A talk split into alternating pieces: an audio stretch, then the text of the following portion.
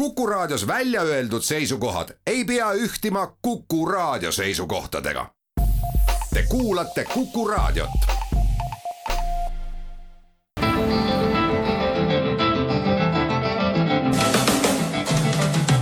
julge olla.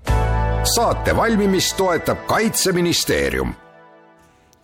tere, ajakirjanik Ainar Ruussaar alustamas saadet Julge olla aprill on veteranikuu ja kahekümne kolmas aprill on veteranipäev. tänavapildis näeme me inimestel rinnas üha rohkem sinilille märke, mis teeb rõõmu. sellest kõigest täna räägimegi, aga mitte ainult. hea meel on Kuku raadio stuudios tervitada Naiskodukaitse arendusspetsialisti Elisa Jaksonit, tere! tere! ja Eesti Vigastatud Võitlejate Ühingu esimeest Enn Adosoni, tere! tere hommikust! räägime lühidalt teie lood ära. Elisa, alustame teist kas teie leidsite Naiskodukaitse või Naiskodukaitse leidis teid? ma ütleks, et Naiskodukaitse leidis mind, sest mu õde liitus aasta enne mind ja siis mul tekkis suur kademeel kõige selle ägeda peale, mida ta jagas nii-öelda, mis, mis õppustel ja asjadel ta käis, et siis ma tundsin, et see on midagi mulle ja, ja tahtsin ka liituda ja liitusin siis juba nüüd kuusteist aastat tagasi. oi, siis on teil pikk staaž. jah Enn Adoson, Eesti Vigastatud Võitlejate Ühingu esimees. ma saan aru, et ajateenistusse minnes üheksakümnend, varastel üheksakümnendatel hakkas teile Kaitsevägi nii meeldima, et võttiski sõrme ja siiamaani? jah, nii see oli, et äh, läksin siis oma kodanikukohust täitma üheksakümne neljandal aastal ja sinna ma jäin. ja olen siis tänase päevani, et äh, Te olete teeninud ka mitmetel välismissioonidel kaks tuhat üksteist Afganistanis, kaks tuhat kolm rühmavanem Iraagi missioonil, kaks tuhat üks, kaks tuhat kaks Bosnias, kaks tuhat Kosovos, vastab tõele? jah, see vastab tõele. kõige keerulisem neist oli vist Helmand Afganistanis? Äh, ma võib-olla isiklikult ei saaks niimoodi öelda, jah, missioonid on alati olnud kõik väga erinevad ja ma, nagu te ette lugesite, olen olnud väga erinevatel missioonidel, erinevatel ametikohtadel ja võib-olla minu isiklikult kõige keerulisem oli Iraagi missioon. et äh, seal ma olin ikkagi koos sõduritega, niinimetatud nagu sõdurid ütlevad, põllu peal ja tegime patrulle ja operatsioone, et Afganistan küll olukorra poolest võis keerulisem olla, aga minu töö oli seal lihtsam kui põllu peal, olin staabis. no kuulajatele ja ka mulle endale huvitav, huvitav, korras võiks ette lugeda kõik need välismissioonid, kus Eesti kaitseväelased on osalenud siis alates üheksakümne neljandast aastast? ja neid missioone on äh, päris palju, et äh, alustades siis Horvaatia, siis on Liibanon, Bosnia-Hertsegoviina, Kosovo, Kesk-Aafrika Vabariik, Iraak, Afganistan, Mali, Aadeni laht, Iisrael, Süüria, Makedoonia ja isegi Vahemerel. no vot, ähm, kõiki neid äh, välismissioone kokku lugedes tundub, et Eesti on ikka hiigelsuur ja võimas riik. aga Eesti on pisike, aga, aga võimas riik sellegipoolest. Äh, veteranipäeva traditsioon sai alguse kümme aastat tagasi, kaks tuhat kolmteist ja siis algas ka sili, sinilille kampaania Anname au. ilmselt on kõik kuulajad seda kampaaniat äh, noh, kümne aasta jooksul vähemalt märganud, aga seletame veel kord lahti selle veteranikuu tähendused ja siis räägime ka sündmustest. mida tähendab veteranikuu? Elis äh, veteranikuu ongi siis see aeg, kus me saame oma Kaitseväe ja Kaitseliidu veteranidele aitäh öelda nende töö eest ja neile au anda, ehk siis terve selle kuu raames siis me kanname äh, rinnas sinilille ja, ja käime erinevatel üritustel ka, siis on sinilillejooksud ja, ja veteranirokk ja nii edasi ja lisaks äh, Naiskodukaitse korraldatavad äh, üritused üle riigi. et. veteranigu tähendus veteranile? see on äh, suur tunnustus veteranile, ma isiklikult tunnen väga ja mul on väga siiralt hea meel ja tänu kõikidele, kes, kes kannavad seda sinilille ja tunnustavad seda, mida Eesti veteranid on teinud siis sõjaväelased, kaitseväelased on teinud. et jah, sai ta siis kutsutud ellu just selle eesmärgiga, et tunnustada siis neid tublisid Eesti naisi ja mehi, kes on siis panustanud välisoperatsioonidele ja Eesti turvalisusesse sellega. Kas veteranid tunnetavad ja panevad tähele ka, et aprillis märgatakse neid natuke rohkem? Arvan... tegelikult peaks neid märkama ju kolmsada kuuskümmend viis päeva aastas kogu aeg. no peaks, aga see elutempo on ju nii kiire, et äh, see sagina käigus, noh kui palju me ikka ringi vaatame, et tegeletakse oma asjadega, et üritatakse seda teha võimalikult hästi ja ja noh, vahest jääb äh, mõningad kohad võib-olla vähem nähtavaks ja tähelepanu pööratakse võib-olla vähem. Eesti veteranipoliitika eesmärgid on millised? mida me ühiskonnana, inimestena, riigina saame teha või võiksime teha, mida me praegu ei tee millegipärast või ei suuda teha, et seda veteranipoliitikat ellu viia. kas me saame eesmärkidest rääkida? No meil on kehtiv äh, veteranipoliitika, seda nüüd küll ausalt öeldes pole uuendatud äh, alates kahe tuhande seitsmeteistkümnendast aastast praktiliselt aga mida ma saan nagu jõudsalt välja tuua, mis väga hästi täna toimib, on tegelikult see, et selles veteranipoliitikas üheks äh, punktiks on veteranide ümberõpe. Et kui veteran otsustab ühel päeval äh, teenistusest äh, lahkuda või välja astuda, Kaitseväe tegevteenistusest, siis on tal võimalus riigi kulul saada ümberõpe. Selleks ta peab minema karjäärinõustaja juurde, mis on ka jälle Kaitseväe poolt pakutud, karjäärinõustaja juurde ja seal siis tehakse see hinnang, mida see veteran tahaks edaspidi tulevikus tegema hakata ja vastavalt sellele siis äh, on tal võimalus taotleda seda tasuta ümberõpet teatud summa ulatuses siis. nii et põhimõtteliselt äh, mitmel missioonil teeninud kaitseväelane, kes soovib vahetada elukutset näiteks tahab saada bussijuhiks no,, siis on tal see võimalus olemas. jaa, selles, selles mõttes, et noh, kui te nüüd võtate Kaitseväe ametikohad, tankitõrjuja, kuulipildur, äh, laskur, noh, väga raske on tsiviilmaailmas kuskile kandideerida ja öelda, et ma nüüd olen kuulipildur ja välja õpetatud ja nüüd äh, jaa, aga see võimalus on olemas ja ja seda ümberõpet on kasutatud päris palju ja, ja mu oma tutvusringkonnaski, kes on läinud Kaitseväest ära, on seda kasutanud ja on valitud väga-väga erinevaid äh, ametialasid. alates ongi autojuhtidest, elukutselistest, pottseppadeni, ehitajateni, kõike-kõike võimalikke erinevaid erialasid. Elisa, äh, küsin teie käest ka veteranipoliitika eesmärkide kohta, kuidas üks äh, pikaajalise kogemusega naiskodukaitsja seda, seda lahti seletab või seda, seda näeb mm.? No ma arvangi, et, ähm, et riik äh, juba teeb mingeid asju, et aga alati ähm, saab paremini ja, ja siinkohal siis saame ka sellesama Sinilille kampaaniaga natukene äh, õlga alla panna, et, ähm, et veterane toetada ja, ja ka ühiskonda üldisemalt tegelikult. räägime sellest Sinilille kampaaniast äh,. natuke laiemalt, hästi palju üritusi, oskate neid kokku lugeda? Ausalt öeldes ei oska, et äh, kuna mis see tähendab?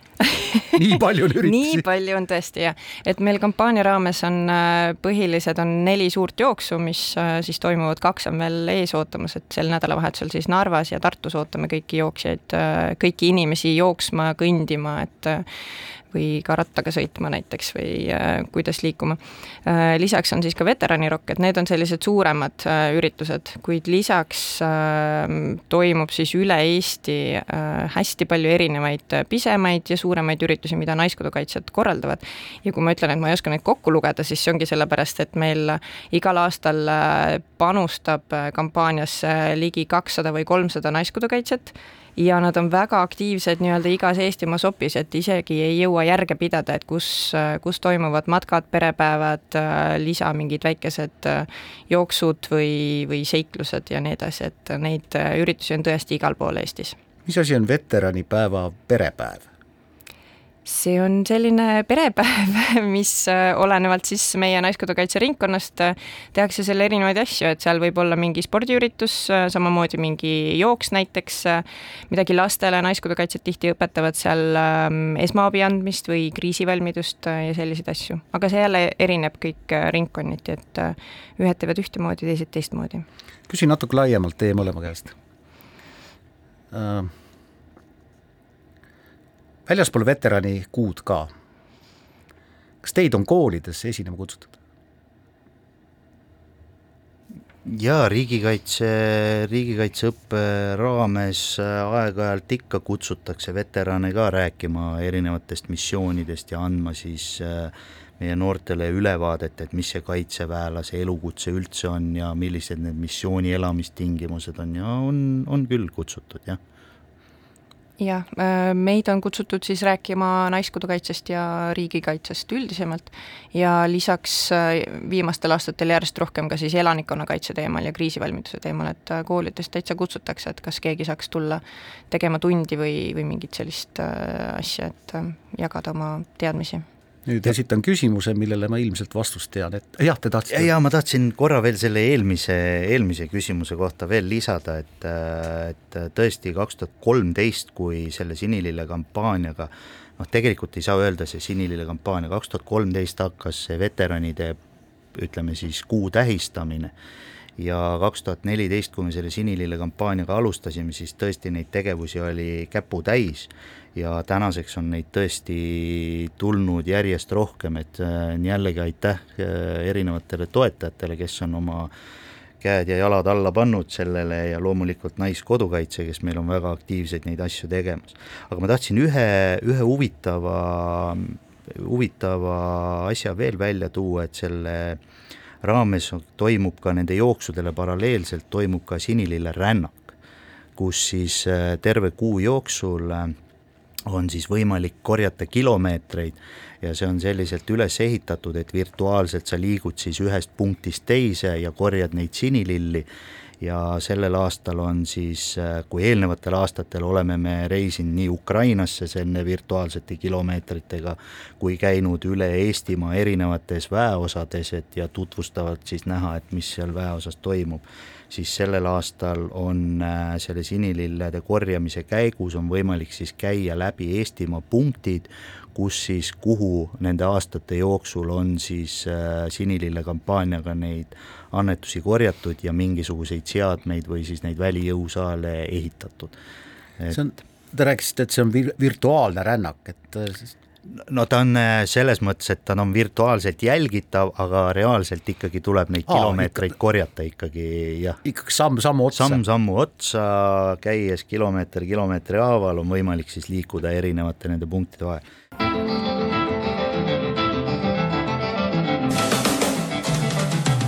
julge olla. saate valmimist toetab Kaitseministeerium ajakirjanik Ainar Ruussaar jätkamas saadet Julge olla ja Kuku raadio otsestuudios on Naiskodukaitse arendusspetsialist Elisa Jakson ja Eesti Vigastatud Võitlejate Ühingu esimees Enn Autoson. rääkisime eh, esimeses veerandis nendest Sinilille kampaania üritustest ja veteranipäeva üritustest üks minu enda jaoks muide, veteranipäeva oodatud sündmuseid on veteranirokk, mis on kahekümne kolmandal aprillil. seekord on see Rakvere Vallimäel tegemist on tasuta kontserdiga ja äh, ma küll kõigil veterani roki kontserditel ei ole käinud, aga noh, ikkagi mõnedele olen sattunud, see on äge, äge heavy üritus isegi minusugusele vanemale mehele. aga seekord astub äh, üles, nagu ma lugesin, NATO kirdekorpuse bänd Griffin. Äh, mina ei teadnudki, et Kaitseväel on oma rokkbändid noh, see on, see on nüüd küll NATO kirdekorpuse bänd Griffin, et ja. Äh, see ei ole küll Eesti, Eesti enda, aga loomulikult on kaitseväelastega üle maailma kaitseväelaste seas äh, erinevaid andekaid inimesi, kes erinevaid pille mängivad ja alati leitakse see tee kokku ja tehakse mingi bänd ja esinetakse, ega samamoodi on olnud ka meil äh, Kaitseväes. Läbi nende aastate on praktiliselt olnud kogu aeg ka ajateenijate bänd. ja veteranirokil on eelnevatel aastatel ka need ajateenijate bändid äh, aeg-ajalt üles astunud ja ja oma seti teinud siis kontserdil, nagu öeldakse jah, ja lisaks mulle meenub kohe ka äh, Kaitseliidu äh, nii-öelda bänd äh, Mustad kolonelid, kes on ka samuti veteranirokil äh, mõnel aastal ka osalenud, et äh. see on minule mõneti, mõneti üllatav, tõsi, mina ei ole Eesti Kaitseväes teeninud, olen teeninud Eestit okupeerinud riigi väes sundaega, aga seal oli küll igasugune rokkimine täiesti välistatud. meil, ma saan aru, siis ikkagi Kaitseväes, kui leidub, nüüd eriti, kui saab sõpruskonnaga minna, on, on täitsa võimalik, et äh, leitakse ka aeg kuskil põõsa all kaeviku kaevamise kõrvalt äh, rokkida jaa, kindlasti selles mõttes, et äh, meil on ka osades, väeosades on kohe ka instrumendid lausa olemas, nii et ei peagi oma instrumentidega tulema. aga jah, ei, see võimalus on olemas, vabal ajal sõdurid täiesti vabalt võivad teha bändi, kui hing ihkab ja see on kõik lubatud. Kuulge, ennist jäi küsimata, kui palju meil on üldse veterane, kelle no. kuud ja kelle päeva me siis tähistame ka sinilille kampaaniaga. noh, päris äh, ühekohalise täpsusega on seda nagu raske. meil on, ei, meil on üle kolme tuhande, kuskil kolme poole tuhande juurde on see arv. Need on siis need inimesed, kes on taasiseseisvunud Eesti Kaitseväe osade raames olnud välismissioonidel. Enamus nendest, jah. Äh, esmaspäeval algas Sinilille kampaania raames Naiskodukaitse heategevuslik veebioksjon, räägime. Elisa sellest lähemalt, mis asi see on? Äh, see on siis äh, heategevuslik oksjon, mida me korraldame Naiskodukaitse Facebooki lehel. Esmaspäeval läks see käima ja lukku läheb siis pühapäeval hetk enne keskööd seal on äh, siis võimalik teha pakkumisi hästi seinast seina mm, nii-öelda elamustele, esemetele, et on väga palju erinevaid ähm, toetajaid, äh, mõned ägedamad, mis mul endal meeles on, on näiteks, et saab Eesti Panga selle rahavedude jaoks mõeldud soomukiga minna sõidule või siis saab minna peaministriga Stenbocki majja ekskursioonile. Äh, on ähm, väga kihvte erinevaid meeneid ka äh, kaitseväe nii-öelda osadest ähm, ja, ja on ka tegelikult äh, hästi palju erinevaid asju, et ma vaatasin, et on nii muuseumeid ja on teatreid panustamas seal ja, ja kõik need esemed seal oksjonil ongi oksjoni jaoks annetatud et minu arust on see hea näide sellest, kuidas äh, ka meie toetus ähm, riigikaitsele on väga laiapindne, et äh, tõesti hõlmab äh, kogu Eesti ühiskonda. ühesõnaga, inimesed annetavad mingisuguseid jah, äh, jah, just, inimesed või asutused on annetanud eseme äh, sinna oksjonile ja nüüd äh, inimesed saavad minna seal, oksjonil on üles pandud mingi eseme pilt ja siis seal saab teha kommentaarina oma pakkumise ja kes siis viimasel, sel hetkel, kui asi lukku läheb, viimase pakkumise teeb, see on võitja ja saab siis oma kingituse. suurema pakkumise? jah, kõige suurema ikka ja ja kõik need tulud lähevadki siis Sinilille kampaania raames siis Eesti Vigastatud Võitlejate Ühingule no räägime sellest Sinilille kampaania tuludest, et kuidas seda, kuidas seda raha kasutatakse? kuhu see raha läheb, on tüüpiline ajakirjaniku küsimus. jaa, see, see on esimesest päevast peale, kui seda Sinilille kampaaniat äh, korraldama hakati, võtsid veteranid kohe vastu otsuse, et kindlasti ei jäeta seda raha ainult endale. et äh, ja võeti selline suund, et et äh, me anname selle raha ühiskonnale tagasi läbi siis äh, erinevate tegevuste või siis annetuste ja, ja me põhiliselt toetame siis tervishoidu ja taastusravi, äh, rahvasporti, oleme siis neid erinevaid välitrenažööri alasid aidanud luua ja, ja ka siis kuidas siis nüüd öelda, siis seda äh, füüsilist või, või mentaalset tervist, vaimset, vaimset mhm. tervist siis äh, arendada ja tegime mitu aastat ka koostööd selle raames ka peaasjadega. teate, mul on äh, aastate tagant meeles üks mälupilt, kui ma ajakirjanikuna olin Afganistanis ja tagasiteel eh,, tagasi Afganistanist lendasin ma eh, Briti armee üksusega ja nende lennukiga ja see lennuk tegi vahemaandumise Küprosel. ja Briti üksus läks sealt lennukist välja ja ma küsisin ühe Briti ohvitseri käest, et oota, kas nad ei pidanud mitte, kas me ei pidanud mitte Oxfordis maanduma. ta ütles, et ei, et see on äh, brittidel selline tavapärane praktika, et missioonilt tulevad sõdurid kohe koju ei saa, et neil on ööpäev Küprosel linnaluba. Ähm, ma arvan, et ma saan aru, milleks seda vaja on. aga mida tähendab tänapäeval Eesti veterani nii-öelda vaimne, mentaalne, emotsionaalne aitamine, kuidas see välja näeb? noh, lisaks perekonnale, kui see on, on siis veel lisaabi vaja mõnedele. ja no, kuidas see välja näeb?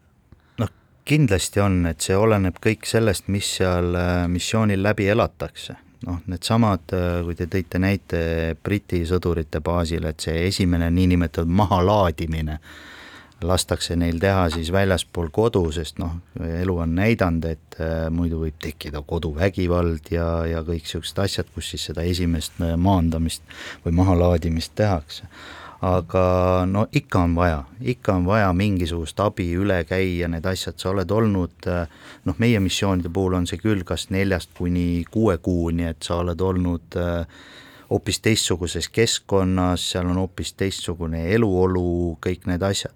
Noh, näit-, ameeriklaste näitel välja tuua, neil oli aasta taga, aastaid tagasi nad lausa noh, nende missioonid olid aastased, neile lausa õpetati, kuidas uuesti pangaautomaate kasutada ja, ja kõik niisuguseid asju, et nad saaksid elus öö, oma eluga edasi minna.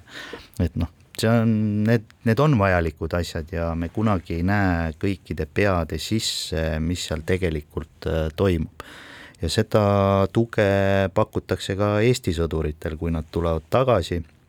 meil on olnud, äh, on olnud spa taastusprogrammid, kus nad saavad siis minna rahulikult ennast maha laadida ja, ja, ja seal seda taastusravi, et nad siis tagasi integreerida meie ühiskonda. naiskodukaitse ka aitab veterane? eks meie panus on peamiselt selle Sinilille kampaania lükkamine igal aastal, et et äh, muudel juhtudel äh, väga mitte, et selle jaoks on juba teised äh, asutused ja organisatsioonid. Enn Ados on mitmel välismissioonil käinuna. kuidas käib missioonile mineva Eesti kaitseväelase ettevalmistamine, ma tean, et inimene peab oskama lasta, ta peab suutma varjuda, ta peab enam-vähem aru saama keskkonnast, kus ta on, mis on talle võõras, ta peab enam-vähem aru saama, kes on vaenlane, kus on vaenlane aga kas ta on ka psühholoogiliselt, saab ta ka psühholoogilise ettevalmistuse, et noh, et ei tuleks peale apaatia või pisar silma, kui on keeruline olukord? no eks ikka see väljaõpe algab ja selle väljaõppe käigus käiakse läbi kõikvõimalikud stsenaariumid, tehakse, mängitakse läbi äh, pluss meil on missioonitoetus, missiooniperede toetusprogrammid, kus siis pereliikmetele räägitakse asjadest, mis abikaasasid või, või elukaaslaseid siis ees ootab ja, ja, ja see ettevalmistus on väga mitmekülgne, jah räägitakse sellest riigist, ajaloost, äh, milline on see kultuur seal, et seal õigesti käituda, osata käituda, et seal ei lehvitata vasaku käega teatud riikides ja, ja ei tervitata ja, ja kõik sellised asjad. et sellest neid sõdureid ikkagi valmistatakse jah ette ja nendest asjadest räägitakse. Äh, jah, noh, kõigeks ei saa kunagi kriiside puhul, mida üks missioon ju on, valmis olla, aga aga psühholoogiline ettevalmistus igal juhul toimib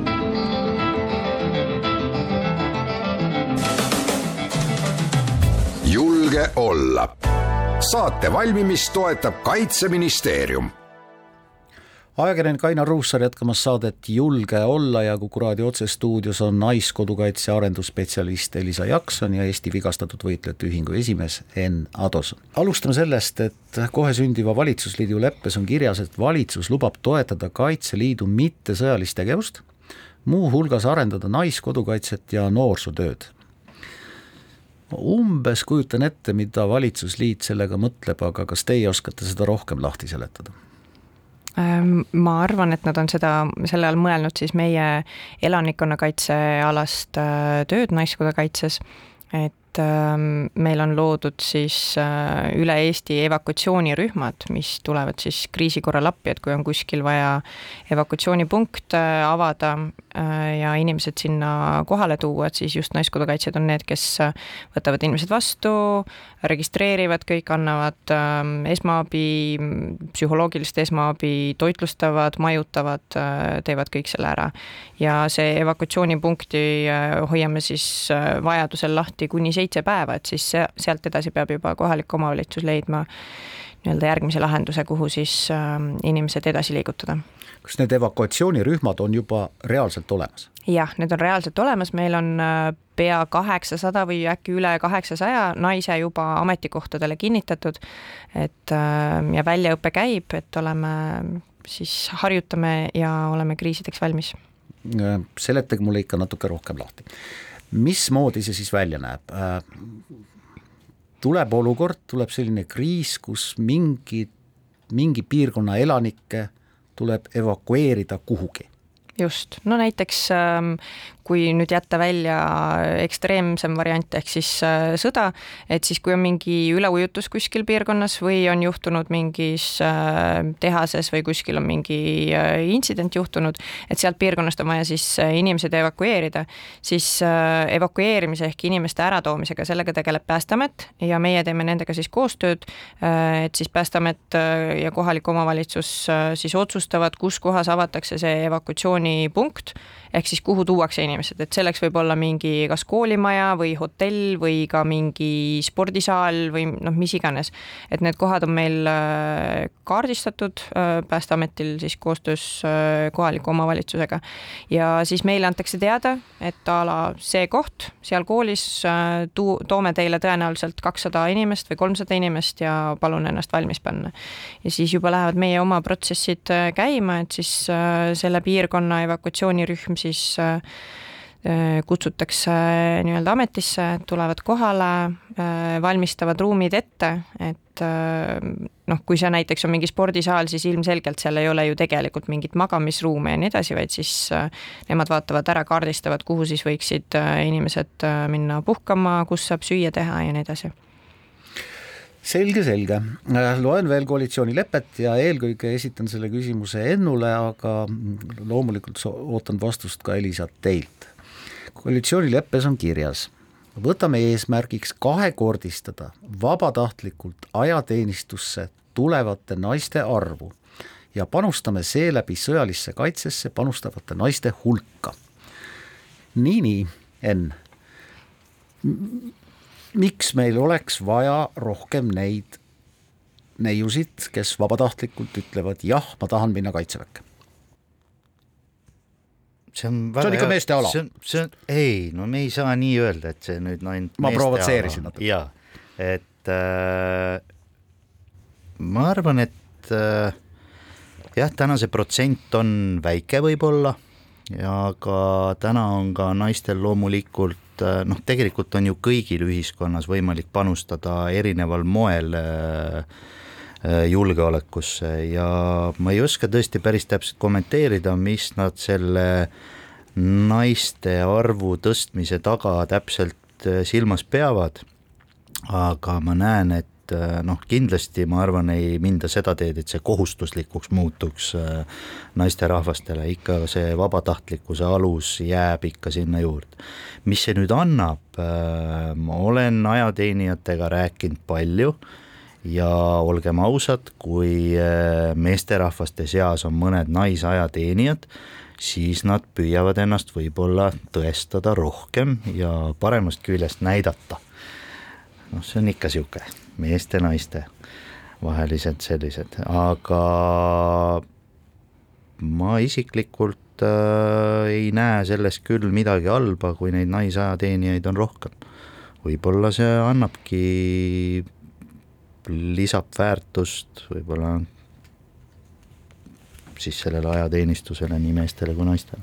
mina olen ka missioonil kohanud äh, Eesti kaitseväelaste hulgas naiskaitseväelasi ja meil on ka, meil on ka erinevates üksustes, meil on täna on umbes kümme protsenti kaitseväelastest on naisterahvad ja, ja ka missioonil äh, on osalenud naisterahvaid.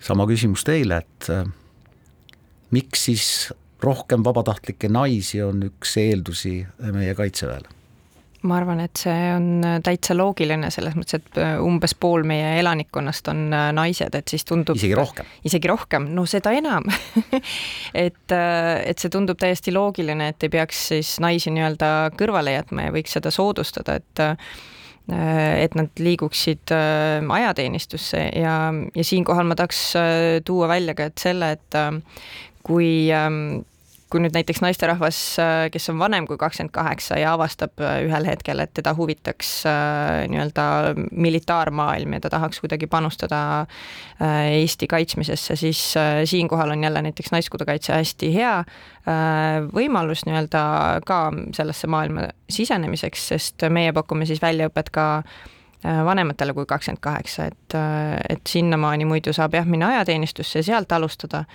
aga et muidu hiljem saab ka Naiskodukaitses äh, teha kõike sedasama sõjalist riigikaitset, mis, äh, mis ka Kaitseliidus ja, ja Kaitseväes. kes saavad Naiskodukaitsega liituda, kõik täisealised kes ei ole veel kaheksateist, need saavad olla kodutütred? Tegelikult me võtame juba noorliikmeks vastu alates kuueteistkümnendast eluaastast. et äh, nendel siis on äh, lihtsalt mõned pisikesed piirangud tegevuses, et äh, nemad ei saa veel nii-öelda päris relvasid kätte ja, ja nad ei saa ametikohale kuhugi asuda ametlikult.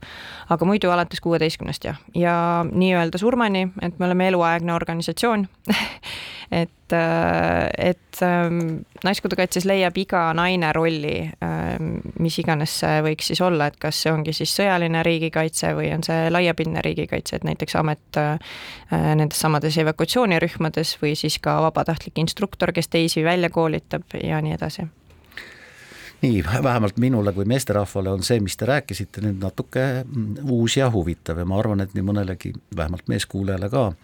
kolme lapse ema. jaa, mul on kolm last. nii, olete kolme lapse ema.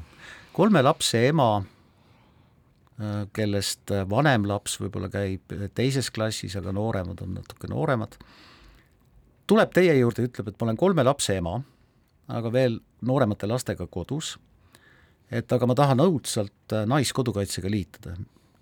mis te ütlete talle? anname ankeedi ette ja, ja aitame selle ära täita lapsed ei ole mingiks äh, piiranguks ega takistuseks. Äh, et ähm, noh, loomulikult, kui on näiteks üksikema ja tal puudub tugivõrgustik, siis on natukene raskem, aga samas ähm, selleks perioodiks, kui, ähm, kui lapsed on väiksemad, on meil palju ka erinevaid äh, selliseid üritusi, kuhu saab lapsega kaasa võtta. et näiteks seesama evakuatsioonirühm evakuatsioonirühmas on alati või selles evakuatsioonipunktis luuakse eraldi ka lastehoiu äh, mingi ruum, kus siis ähm, inimesed äh, või noh, meie naised tegelevad ka siis nende lastega, et noh, kui päris kriisi korral ju tulevad lapsed, et nendega peab ka tegelema, pakkuma neile mingeid mänge, joonistamistki või mis iganes, et muidu nad hakkavad lollusi tegema. et siis samamoodi me õppuse ajal, meil on hästi palju naisi, kes tulevad ise õppusele, võib-olla ema siis on seal mingis rollis kas staabis või, või annab esmaabi või tagab esmaabi aga ta laps läheb sinnasamasse lastehoidu teistele nii-öelda siis noh, harjutamiseks et äh, lapsed ei ole probleem. nii, ma ei, ma ei jäta teid rahule Elisa äh,. seitsmekümne kuue aastane naispensionär, aktiivne, teeb kepikõndi, seitsmekümne kuue aastane, tuleb ja koputab Naiskodukaitse uksele, mis te teete?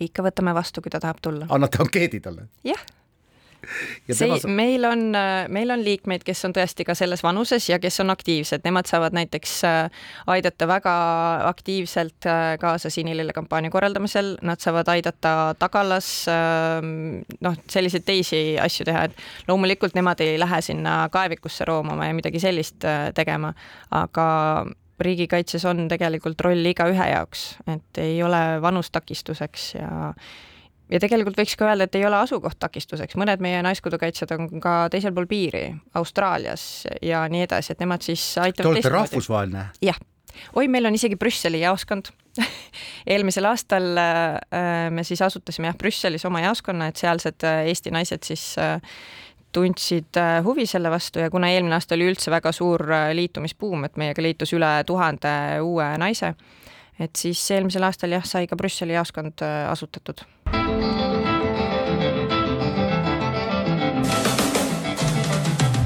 Julge olla.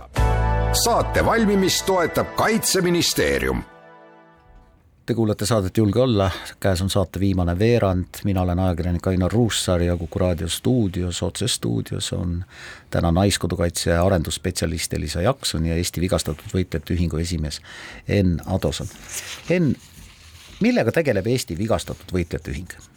no Eesti Vigastatud Võitlejate Ühing sai loodud äh, veteranide endi poolt ja ikkagi põhieesmärgiga koondada vigastatud ühtseks pereks sest noh, me nägime kahe tuhande kolmeteistkümnendal aastal, kui ühing sai loodud, et äh, meil on vigastatuid erinevatelt missioonidelt, erinevates Eesti piirkondades ja mured on neil enamjaolt ühesugused, aga neil ei olnud seda kellegiga jagada, siis me lõime ühingu, kus nad saavad kuuluda, omavahel suhelda, oma kogemusi jagada ja siis ka oma, oma läbielamisi siis nendele nagu lahendust leida. ja üritame siis vigastatuid igatepidi aidata nii sotsiaalselt kui juriidiliselt, toetada neid igapäevases elus.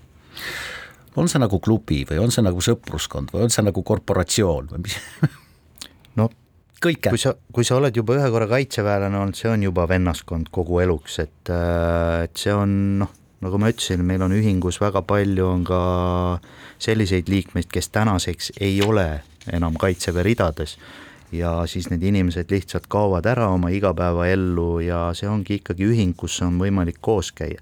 ja meil ei ole ainult äh, missioonidel vigastatud, meil on ka ajateenistuses äh, püsiva töövõimetuse saanud äh, ajateenijad siis võivad kuuluda meie ühingusse. Te jälgite kindlasti hoolega Venemaa agressiooni käiku Ukrainas ja elate kindlasti kaasa Ukraina vastupanuvõimele, mina küll elan sellele väga kaasa.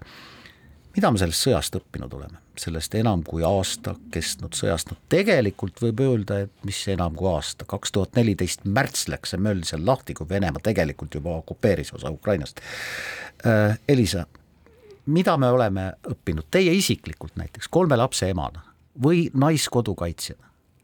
ma arvan, et ähm, et üks asi, mis, äh, mida me oleme õppinud sellest, on see, et äh, mitte keegi ei ole nii-öelda kaitstud, et seal ei ole tähtsust, et, ähm, et kui võib-olla keegi arvab, et äh, kui mina ei ole kaitseväelane, et siis noh, nad ei puutu mind, ma olen tsiviil, et seega ma selle tõttu olen kaitstud, et tegelikult kõik see, mis Ukrainas toimub, tegelikult näitab, et ähm, noh, inimelul ei ole nende jaoks üldse, venelaste jaoks ei ole üldse nagu väärtust ja, ja nii edasi, et seega mina isiklikult arvan, et on äärmiselt oluline, et iga inimene ähm, valmistuks selles mõttes, et oleks, oleks nagu rohkem valmis, et ta ei arvaks, et, et kui peaks midagi juhtuma, et siis ei puuduta teda või, või noh, see on, kipub olema meil muidu tavapärane asi, et me mõtleme, et noh, minuga küll ei juhtu või, või seal kuskil mujal juhtus, minuga ei juhtu.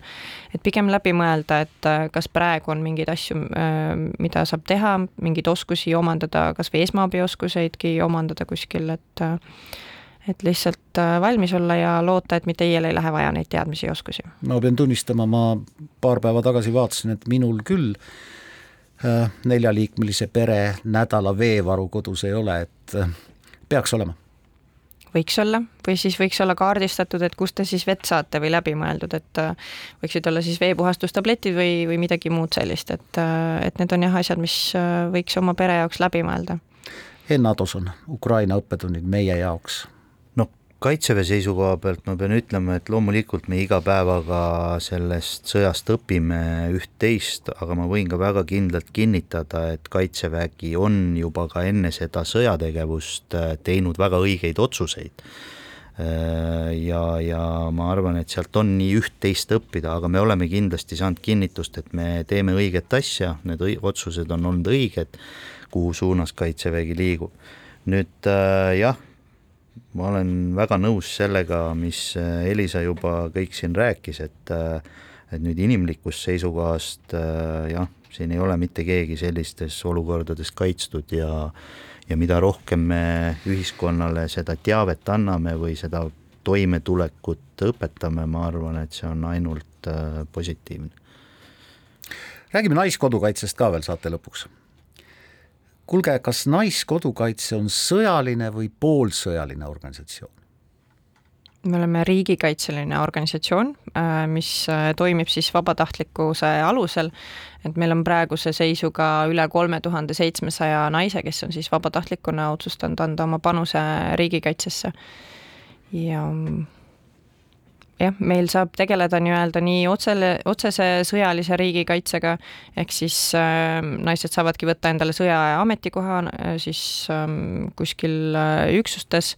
Või siis on võimalik ka panustada teistmoodi, et äh, on ka neid naisi, kes ütlevad, et ma ei taha mitte midagi kuulda ka relvadest äh, ja nemad saavad siis äh, panustada mujal tähendab, tegelikult on nagu reaalne võimalus see, et mõni naisterahvas, kes tahab liituda Naiskodukaitsega ja tahab hirmsasti saada snaipriks või minipilduriks, siis teie aitate tal selleks saada või? just.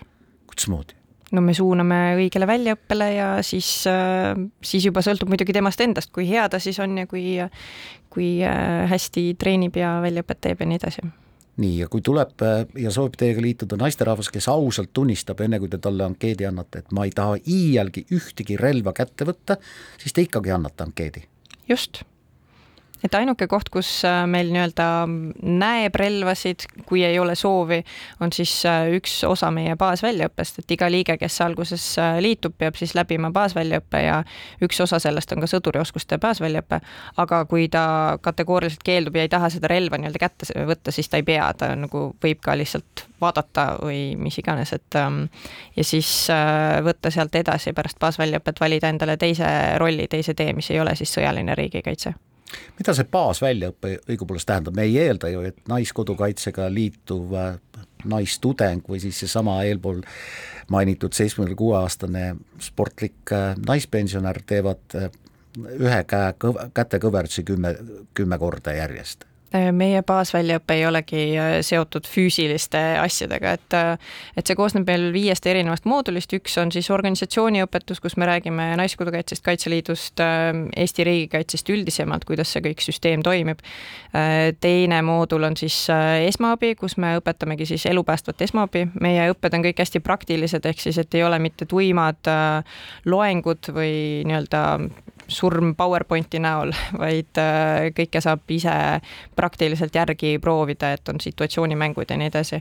kolmas moodul on välitoitlustamine, ehk siis kuidas teha süüa viiesajale või tuhandele ja välitingimustes, et äh, kõik kaloraažid ja asjad paigas oleksid. Ähm, neljas moodul on siis sõdurioskused ja viimane moodul on siis ohutushoid, ehk seal õpetame siis sellist äh, asja, mis tegelikult ma ütleks, et igal inimesel oleks vaja, ehk siis et äh, baastarkused ähm, ohutusest, turvalisusest, et ähm, tule kustutamine, koduturvalisus, äh, küberturvalisus, enesekaitse ja nii edasi. küsin Enn teie käest eelkõige, muidugi Elisa võib ka alati, alati arvamuse öelda. me osaleme regulaarselt sõjalistel missioonidel, aeg-ajalt on, on pausid, aga nüüd jälle Iraaki Äh, kas see tugevdab meie Kaitseväge? see kindlasti tugevdab meie Kaitseväge, kui te täna vaatate, kes meil on Eestis liitlastena kohal, siis need on kõik meie partnerid välismissioonidelt. ja see on andnud, on andnud meile kindlasti tugeva panuse meie kait-, julgeolekusse. nii et tegelikult missioonil käinud sõdur mm, on teatud mõttes nagu eeskuju ka neile kaitseväe kolleegidele, kes missioonil ei ole käinud? või ta lihtsalt oskab no, rohkem? selles oskab mõttes jah, tal on, tal on mingisugune kogemus, ega me tegelikult ju ei eeldagi kõikidelt kaitseväelastelt äh, missiooni, missioonile minemist et selles mõttes meil on ikkagi missioonidele minek on vabatahtlik eh, ja, ja see ei ole kaitseväes teenimise nagu nõue, et kõik peaksid käima. loomulikult see annab sulle mingisuguse ekstra kogemuse, mida vahest on tõesti näha, et see tuleb, eh, mitte vahest näha, vaid seda on alati näha, et see tuleb eh, kasuks. ja lõpuks saate lõpuks küsin no, ühe oma lemmikküsimuse. kas riigikaitseõpetus võiks nüüd ometigi millalgi olla meie koolides kohustuslik? minu arvates võiks küll olla, praegu, kui ma nii-öelda kuul-, kuulen riigikaitseõpetustest, siis ma mõtlen suure kadedusega, et oh, miks minu ajal ei olnud seda, et äh, mina oleks küll tahtnud sellest äh, äh, kõigest kuulda ja, ja seda kogeda ja teada saada nii-öelda, et võib-olla oleks siis ka mm, mingeid teisi valikuid elus teinud. aga mm, jaa, ma arvan, et see oleks vägagi kasulik ja mõistlik, kui see oleks kohustuslik Enn? Jaa, ma arvan ka, et äh, ta võiks olla kohustuslik, see annabki noorele ülevaate, mis see riigikaitse üldse endast kujutab. Ja see annab ka ülevaate ju tegelikult sellest, et kuidas riigikaitsesse on võimalik erinevatel viisidel panustada.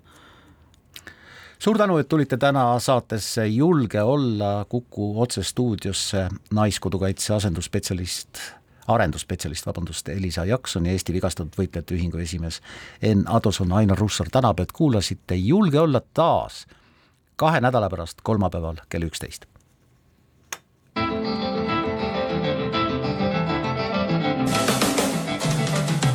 julge olla.